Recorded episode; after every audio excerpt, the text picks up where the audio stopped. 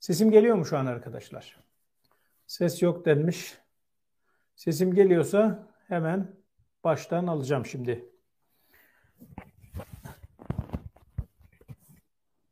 Evet gelmiş ses. Şimdi sevgili arkadaşlar daha önce e, çeşitli vesilelerle YouTube kanalında kokain ticaretinden bahsetmiştim. Bu kokain ticaretinin içerisinde yer alan devlet görevlilerinden, bakanlardan bahsettikçe, derin devletin eski isimlerinden bahsettikçe birçoğunuz şaşırmıştınız ve bu isimleri ilk defa duymuştunuz. Daha sonra Binali Yıldırım'ın oğlu Erkam Yıldırım'dan Süleyman Soylu'ya kadar birçok insanın işin içerisinde olduğunu, Mehmet Ağar'ın limanları kontrol ettiğini, bütün bunların hepsini içeriden e, Sedat Peker itiraf etmişti. Yaklaşık bir, bir buçuk iki yıldır hatta neredeyse üç yıldan beridir kokain ticaretinin sevkiyatından ve bu isimlerden bahsediyordum size. E, ulaşmış olduğum önemli bilgiler var. Bu bilgileri tam yaklaşık olarak bir aydır teyit etmeye çalışıyorum. E, çeşitli haber kaynaklarından teyit ettirdikten sonra paylaşacağım bazı bilgiler var. Ben ilkesel olarak her zaman şunu söyledim. Sizler de biliyorsunuz. Hiç kimsenin hiçbir şekilde özel hayatına müdahale edecek ya da özel hayatını deşifre edecek ya da özel hayatıyla ilgili herhangi bir yayın yapacak. O görüntüleri paylaşacak değilim. Asla da paylaşmayacağım. Hiçbir zaman da ona girmeyeceğim. Ee, peki benim gireceğim mevzu ne? İşte bu özel hayatı deşifre edilerek ya da özel hayatı kayda alınarak e, şantaja maruz kalan insanların kimler olduğunu ve nasıl şantaja maruz kaldıklarını ve kokain ticaretinin uyuşturucunun Avrupa trafiğinde diplomatları kullanarak nasıl önemli işler yaptığını anlatacağım. Çok önemli isimlerden biri bu isim. E, konularımızdan biri bu olacak. Diğeri sarayın en büyük korkusu demiştim. Şimdi oradan başlayacağım. Sarayın çok büyük korkusu nedir bu korku ve AKP içerisindeki savaşlar neler?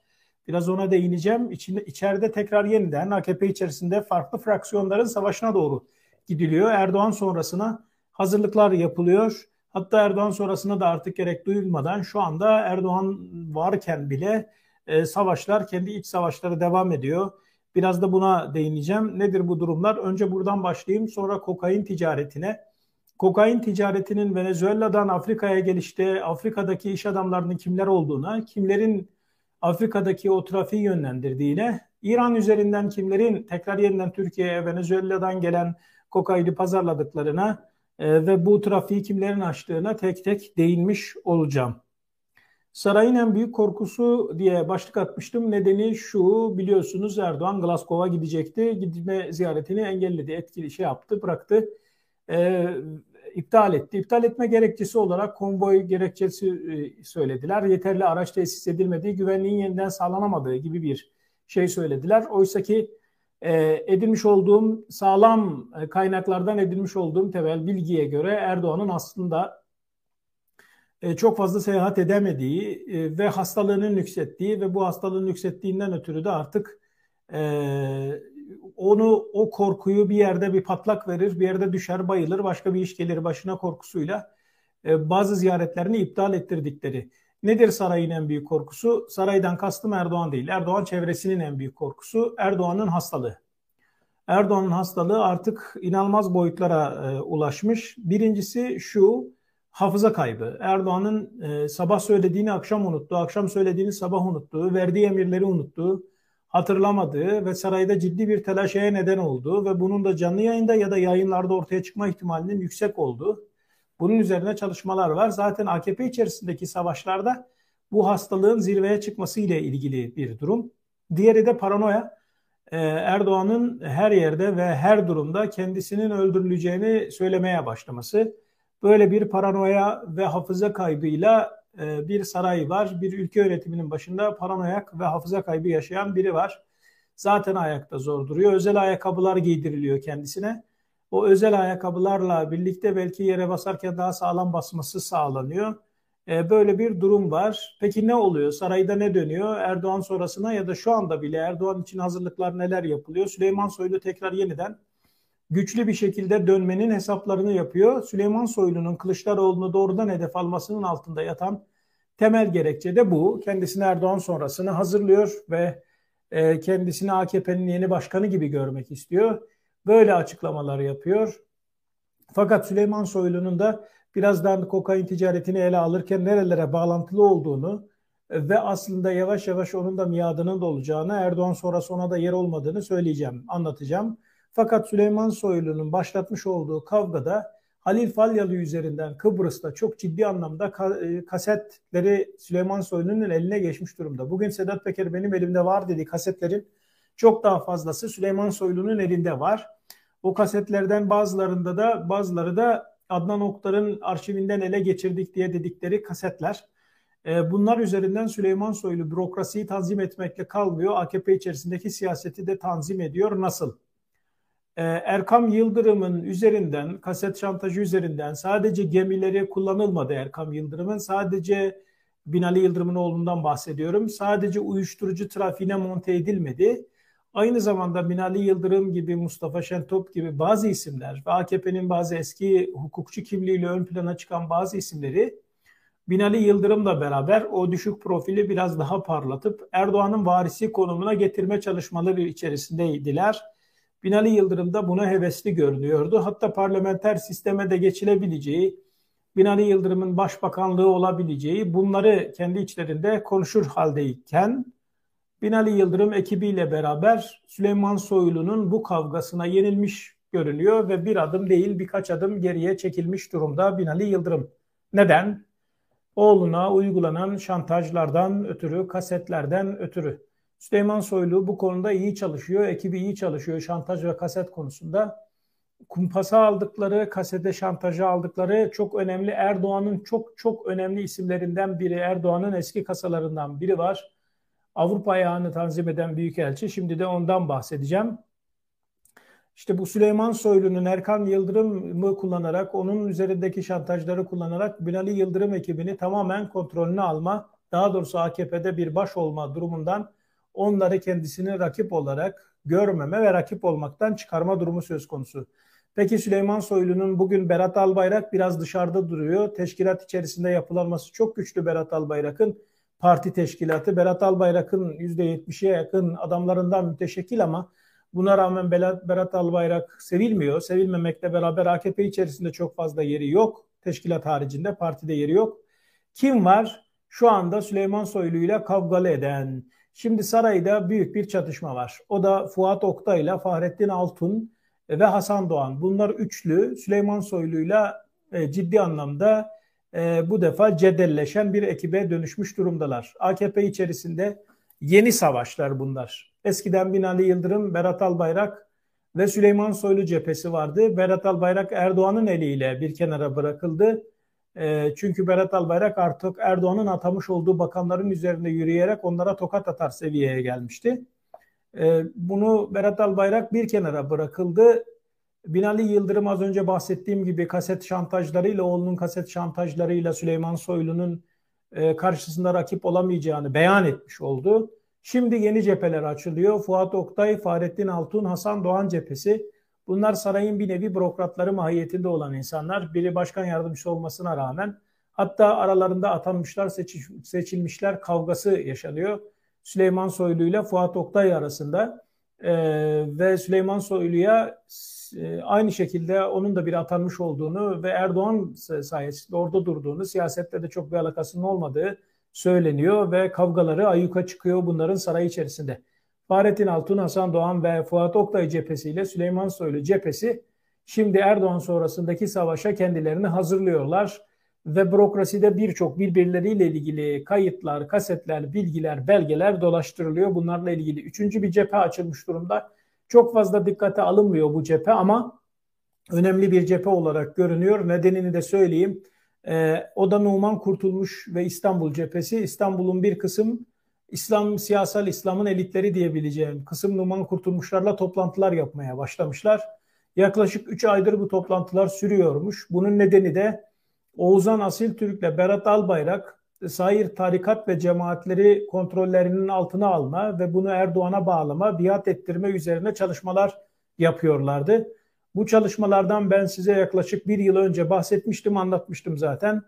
Oğuzhan Asil Türk ölüp gitti. Berat Albayrak'ın da zaten bu cemaat ve tarikatlar üzerinde çok bir etkisi yoktu. Şimdi bu cemaat ve tarikatlar özellikle de yargıda çok güçlü olan hak yolcular yani artık Erdoğan'a evrilmiş olanlar bunlar da Erdoğan sonrasında kendilerine bir yol açmaya çalışıyorlar. Erdoğan sonrası tutunacak bir yer arıyorlar. Bunların kafasındaki isimler ne Fuat Oktay, Fahrettin Altun, Hasan Doğan cephesi ne de Süleyman Soylu cephesi. Bunlar biraz daha farklı bakıyorlar olaylara ve Numan Kurtulmuş'la pazarlıklara oturmuş durumdalar. Yeniden Numan Kurtulmuş'u işte parlatma, partiyi belki Numan Kurtulmuş üzerinden dizayn etme, AKP'nin başına Numan Kurtulmuş'u geçirme böyle bir çalışma içerisindeler. Şu anda savaş Fuat Oktay, Süleyman Soylu, Numan Kurtulmuş cephesiyle ilerliyor. AKP içerisinde böyle darmadağınıklık, paramparçalık söz konusu. Vaziyetleri böyle. Numan Kurtulmuş meselesi neden şimdilik pek dikkate alınmamakla beraber önemli dedim.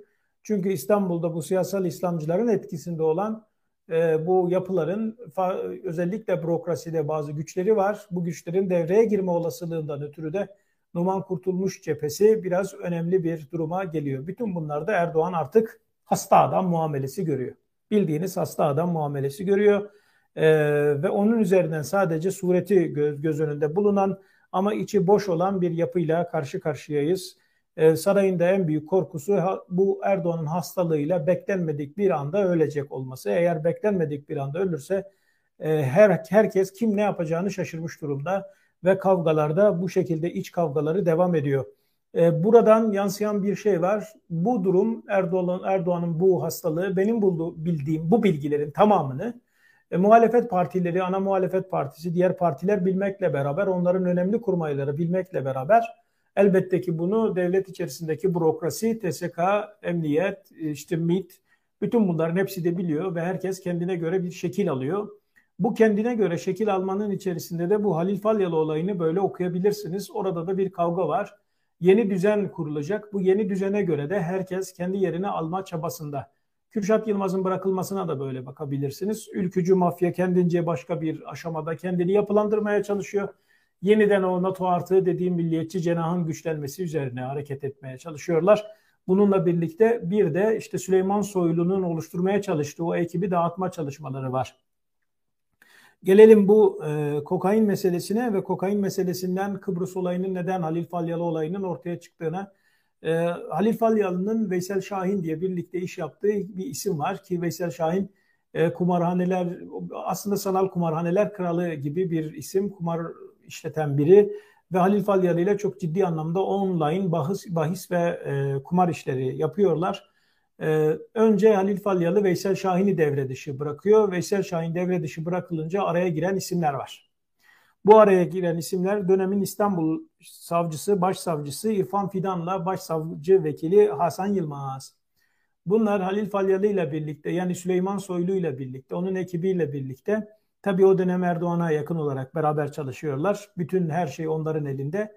Bu isimler Veysel Şahin tutuksuz yargılanabilecekken ve henüz hakkında çok fazla bir e, illegal işlere bulaştığına dair herhangi bir bilgi, belge ve dosya oluşmamışken içeride tutuyorlar, hapiste tutuyorlar. Aslında önce Veysel Şahin'i Büyükçekmece e, Başsavcısı bırakmak istiyor. E, oraya daha doğrusu e, hakimi bırakmak istiyor. Ona milyonlarca dolar para verildiği ortaya çıkınca Veysel Şahin tutuluyor içeride ve Hasan Yılmaz'la İrfan Fidan devreye girerek Veysel Şahin'i içeride tutup Halil Falyalı'nın önünü açıyorlar. Bugün Halil Falyalı e, üzerinden dönüyor olaylar. Artık Halil Falyalı'nın bir şeyi var. Burada da büyük ihtimalle benim anladığım kadarıyla Sedat Peker benim elime geçti dediği kasetler Veysel Şahin üzerinden Sedat Peker'e ulaştırılmış görülüyor. Halil Falyalı'nın elindeki eski ortağı e, elindeki kasetler eski ortağı üzerinden Sedat Peker'e geçmiş görünüyor. Çünkü Veysel Şahin ile Sedat Peker'in arası iyi. Sedat Veysel Şahin de Sedat Peker'e son yıllarda yanaşmış birlikte hareket eden isimlerden bazılarıydılar.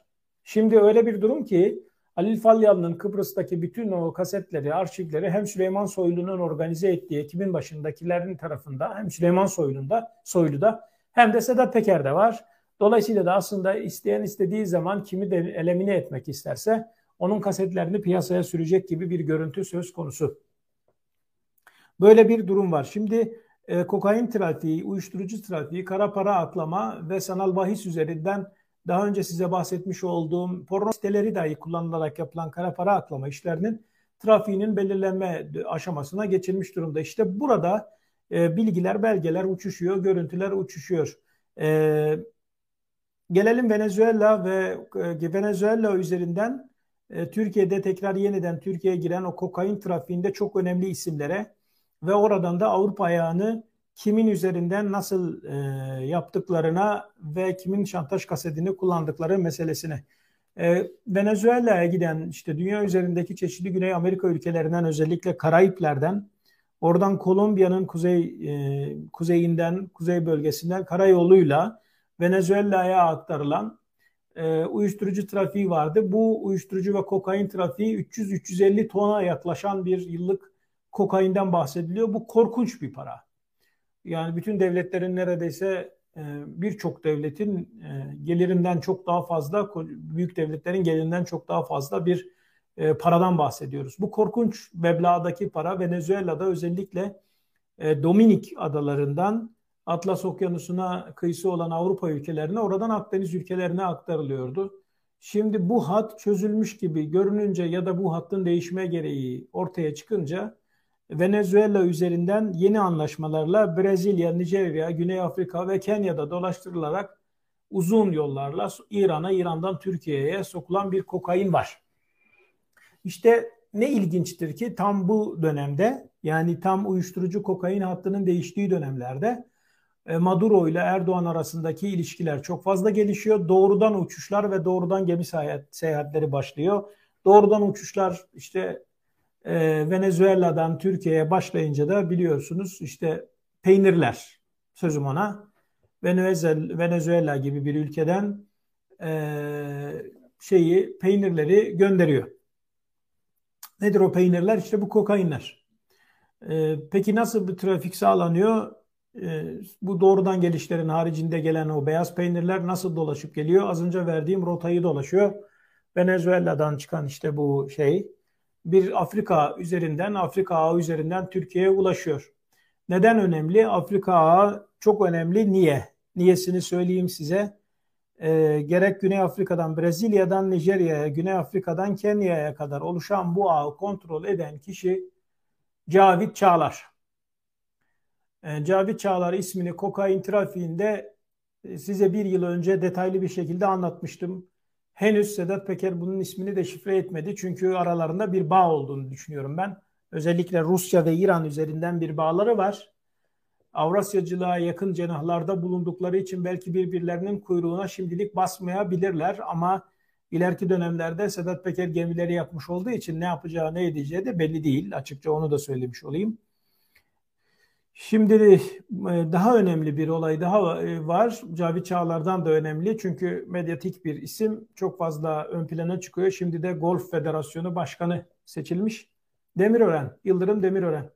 Yıldırım Demirören Güney Afrika'da, Nijerya'da ve Kenya'da bedel ödüyor. Neyin bedelini ödüyor? İşte bu kendisine sağlanmış olan yüksek krediler, ihalelerin e, komisyonunu ödüyor. Oradan limanlar satın alınıyor Demirören ailesi adına ve bu limanlarda kokain ticareti ve sevkiyatı yapılıyor.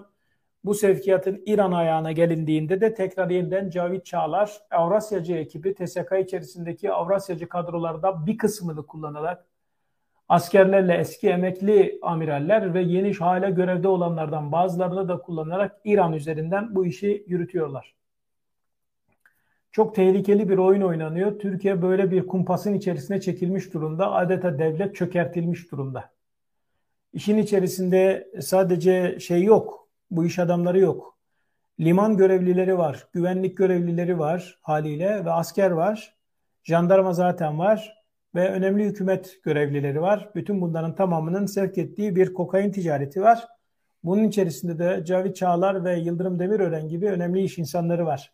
Maslak 1453'te Rizeli bir iş adamının lokantasında Cavit Çağlar, Ali Ağaoğlu ve kokain ticareti yapan kokain baronlarından 3 kişi hep birlikte görüşme yapıyorlar. Baron kelimesini öylesine kullanmış oldum da Türkiye'de çünkü öyle baron seviyesinde adam yok. Kokain ticareti yapan adamlar diyeyim. Biri Mardinli, biri Adanalı. Birlikte bunlar hep birlikte görüşmeler yapıyorlar. Hatta bu Suriye'deki IŞİD'lilere, cihadistlere hap gönderiliyor. Bu hapı gönderen de Cavit Çağlar'la o toplantıda bulunan o Adanalı kokain ticareti yapan kişi. Ham maddesini Hollanda'dan alıyorlar. Türkiye'de fabrika kurmuşlar. Hapları presliyorlar, baskılıyorlar. Presleyip baskı makinesi, hapları oluşturma makinesini Türkiye'de kurmuşlar. Presliye presliye onları gönderiyorlar cihadistlere. Cihadistler de bunları çorbalara katıp içiyorlarmış. Hatta adam bunu gülerek anlatıyormuş. Şimdi durum böyle. Bunların böyle bir sevkiyat ağları var. Bu sevkiyat ağında çok önemli bir isim. Şimdi Avrupa'da illegal işlerde ve kirli işlerde kullanılan hem Kıbrıs'ta kaseti olan hem de sanal görüntüleri olan bir isimden bahsedeceğim. Süleyman Soylu'nun ekibi tarafından kıskıvrak ele geçirilmiş birinden bahsediyorum. Ve Avrupa'daki diplomatları özellikle kullanarak, Türk diplomatları ve AKP içerisindeki etkinliğini kullanarak Avrupa'da uyuşturucu trafiğini trafiğinin önünü açıyor. Aynı zamanda silah sevkiyatlarının da önünü açma noktasında yardımcı oluyor. Kim bu isim? Egemen Bağış. Yine çıktı karşımıza Egemen. Egemen Bağış'ın para zaafını herkes biliyordu zaten. Ee, bir de Egemen Bağış'ın uçkur zaafı varmış. Ee, bunu şantaj kullanarak, e, görüntülerini kullanarak yayınlarız diyerek Egemen Bağış Avrupa'daki bütün kirli işlerini yaptırıyor bu şebeke. Ee, dediğim gibi özel hayatı beni asla ilgilendirmiyor. Hiçbir şekilde de ilgili değilim. Hiçbir şekilde de görüntüleri yayınlamam. Niye görüntüleri yayınlamam? Ne demek istiyorum? Ben, bende o görüntüler mi var? Evet bana bu görüntüler ulaştırıldı. Farklı farklı kaynaklardan birbiriyle savaşan bu ekipler, bu işte kokain ticaretini yapanlar, AKP içerisindeki şeyler, bunlar bu görüntüleri bana farklı yollardan, farklı e-maillerle yollamış oldular. Ben de çok net bir şekilde tavrımı koydum ortaya ki iki ay önce oldu bu olay.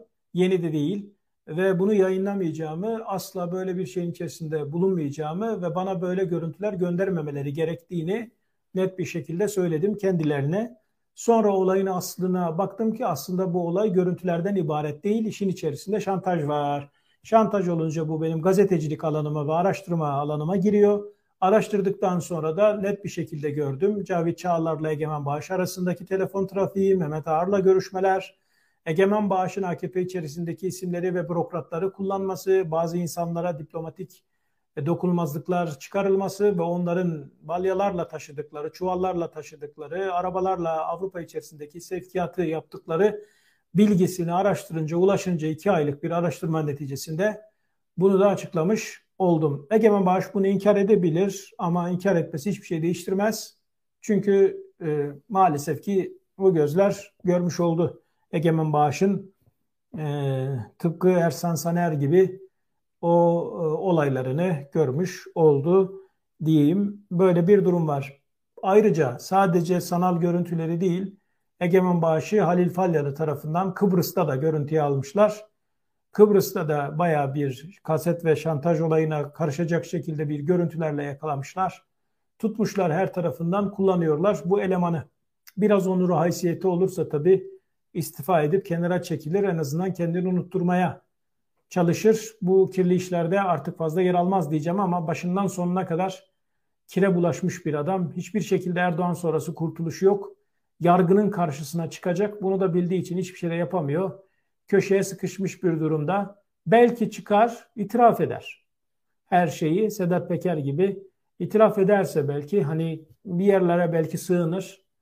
E, bir ülkeye falan sığınır belki. Oradan itiraflarda bulunursa belki kendisini yasal olarak biraz daha kurtarabilir bu dönemde kullanılan kişi Egemen Bağış. Ve bu bilgi net bir bilgi bu bilgi öyle e, şey bir kulaktan dolma bir bilgi değil. E, bizzat gördüğüm, bizzat baktığım bir bilgiden bahsediyorum.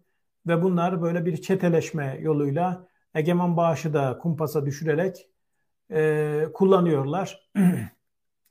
e, yakında herhalde onun da görüntülerini yayınlarlar diye tahmin ediyorum. Çünkü e, o savaş başka bir aşamaya dönüşüyor. Süleyman Soylu'yu, Halil Falyalı, İrfan Fidan'ı bunları devre dışı bırakacak olan, hukukta, bürokraside ve siyasette devre dışı bırakacak bırakmaya çalışan şimdiki ekip herhalde onları da devre dışı bırakacaktır. Çünkü kendi aralarında bu kokainden, uyuşturucudan tutun da silah sevkiyatına kadar bir güç mücadelesi var. Kirli yapılar birbiriyle savaşıyorlar. Hiç kimse kimseye bu kirli yapılar içerisinde hareket edenler birbirine acımazlar elbette ki. Durum bu. E, böyle bir hal içerisinde yer almışlar. Cavit Çağlar'dan Yıldırım Demirören'ine, Egemen Bağışı'ndan Süleyman Soylusu'na kadar herkes bu kokain trafiğinin ve ticaretinin içerisinde o paraların içerisinde yer alıyorlar. Jandarma Genel Komutanı Arif Çetin'den bahsetmiştim zaten. Sınırlar onunla birlikte Süleyman Soylu kontrolünde ilerliyor. Limanların bir kısmına Mehmet Ağar bakıyor. Süleyman Soylu ve Mehmet Ağar arasındaki bazı çatışmalarda bazı bilgilerin, belgelerin etrafa saçılmasına neden oluyor diyeyim. Şimdi durum bu. Yani özetle çizmeye çalıştığım bu tablo içerisinde gerek saray içerisinde gerek devlet mekanizması içerisinde çok büyük bir çöküş karşımızda duruyor. İşte bu çöküşe bakarak ümitliyim zaten ben. İşte bu çöküşü yıllardır görüyorum. İnşa edemezler bunlar. Bunlar at hırsızları. Bunlardan öyle devlet bilmem nesi, bürokrasisi bilmem nesi çıkmaz. Ee, olsa olsa böyle çeteler çıkar, çeteler savaşları çıkar, çetelerin birbiriyle mücadelesi çıkar. Şu anda da durum buraya gelmiş durumda. Ee, yıllardır tanzim etmeye çalıştıkları, silahlandırdıkları, eğittikleri, donattıkları, iç savaş için hazırlanmış oldukları elemhanları bile dağılıyor artık. Kim kimin yanında duracağı belli değil. Böyle bir duruma gelmiş durumdalar. O allı, şanlı, kendisini allayıp pullayan ve yıllardır anlatmış olduğum ta belki 7 yıl önce daha Türkiye'deyken bahsetmiş olduğum o Sadat yapılanmasının başındaki Adnan Tanrıverdi e, o bile artık Türkiye'den ayrılma hazırlıkları yapıyor. E, şeye Arabistan'a Cidde'ye yerleşecekmiş. Sözüm ona münzevi bir hayat yaşayacakmış. Tabii bütün bunların nedeni reislerinin çökmekte olduğunu, o görünen bedenin kurtlu olduğunu, hastalıklı olduğunu ve başlarına yıkılacağını kavramış olmaları. Çil yavruları gibi da dağılırlar. Daha şimdiden dağılıyorlar. O yüzden öyle seçimleri kaybederlerse iç savaş olur, şu olur, işte şöyle ittiler, böyle donattılar. O eğitip donattıkları herifleri dağıttılar. Farklı farklı yerlere gönderiyorlar. Sitelerinden bile o çalışmalarını çıkarıyorlar. Hatta Adnan Tanrıverdi'nin işte bu olaylar yap, şey yapılırken eski, daha önce MIT'ten kaçırdı. Sakın ola ki resmi olarak görevli olmasın dediği isimleri Hakan Fidan'a yalvar yakar bunlar resmi devlet görevlisidir diye tanıtalım ki başın belaya girmesin diye haber gönderiyor ve bu şekilde bir pazarlık yapmaya çalışıyorlar. Kendisi de dediğim gibi Suudi Arabistan'a gidip yerleşip yaşamayı düşünüyormuş. Yıkıldılar, yıkılıyorlar, bitiyorlar. Said Bey niye ümitlisiniz? İşte bundan ümitliydim evet. Ve gidiyorlar ve gidecekler. Bay bay deyin hepsine. Görüşmek üzere. Kendinize iyi bakın. Ha not düşeyim. Ee, evet işlerle ilgili çalışmalarım devam ediyor. Restoran sektöründe olduğumu hepiniz biliyorsunuz artık. Ve bu 5 yıllık bir iş planı içerisinde ticaretten anlayan bir insanım ben. 5 yıllık iş planı içerisinde yapacağım işler de zaten. Ama yapacağım bütün işlerin hiçbiri benim gazeteciliğimi etkilemeyecek. Gazeteciliğimi e, sonlandırmayacak. Öyle bir durum söz konusu asla olmayacak. Gazeteciliği asla bırakmayacağım. Son zamanlarda işte son iki aydır biraz böyle Sait Bey acaba gündemden uzak mısınız diyenler oluyordu. İki aydır bu dosyaların peşindeyim. Bunları araştırıyorum. Araştırmaya da devam edeceğim. Hatta bu yayına çıkmadan önce bile haber kaynaklarımdan biri aradı. Hemen yayın öncesi. Ee, onlarla onunla görüşmüş oldum. Devam ediyor. Hiçbir zaman hiçbir şekilde bu mücadeleden geri durmaya niyetim yok. Gazeteciliği bırakmaya asla niyetim yok. Yarı yolda böyle bırakacaklardan değilim zaten. Öyle de olmaz. Ee, ne olur artık bir zaman sonra hani böyle du- duayen gazeteci de olmak istemiyorum. Hani böyle artık yaşlanmış artık. Ya git evinde otur torun sev yani.